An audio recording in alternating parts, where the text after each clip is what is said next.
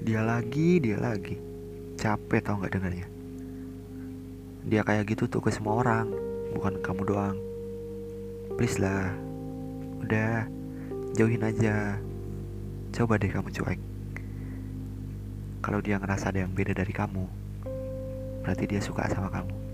Dia pasti nyariin kamu, percaya deh. Ya, salah satu kalimat yang sering aku dengar dari temanku tiap kali aku cerita tentang kamu. Temanku udah capek semua dengar nama kamu. Nama kamu lagi, nama kamu lagi yang aku sebut. Baper kok sama ketikan. Bener sih, bisa-bisanya aku punya rasa karena sebuah pesan singkat yang aku terima dari orang yang gak tahu hatinya untuk siapa. Menerima sebuah pesan dari tangan yang gak mungkin aku genggam. Notif chatmu muncul di pop up handphoneku itu rasanya seneng banget.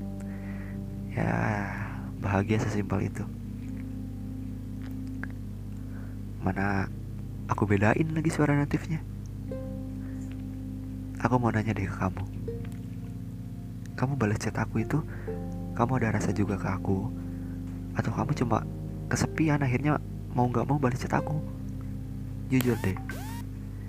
Dan aku mohon kalau kamu gak ada rasa sama aku, kamu balas chat aku sewajarnya. Gak perlu sampai ngasih pap atau nelpon aku. Atau bahkan lebih baik kamu jujur deh tentang perasaan kamu. Dan lebih baik kamu juga jujur. Kamu bisa nerima aku atau enggak? Jangan sampai dan jangan buat aku terus-terusan baper sama ketikan kamu. Biar aku tahu juga kapan aku harus berhenti.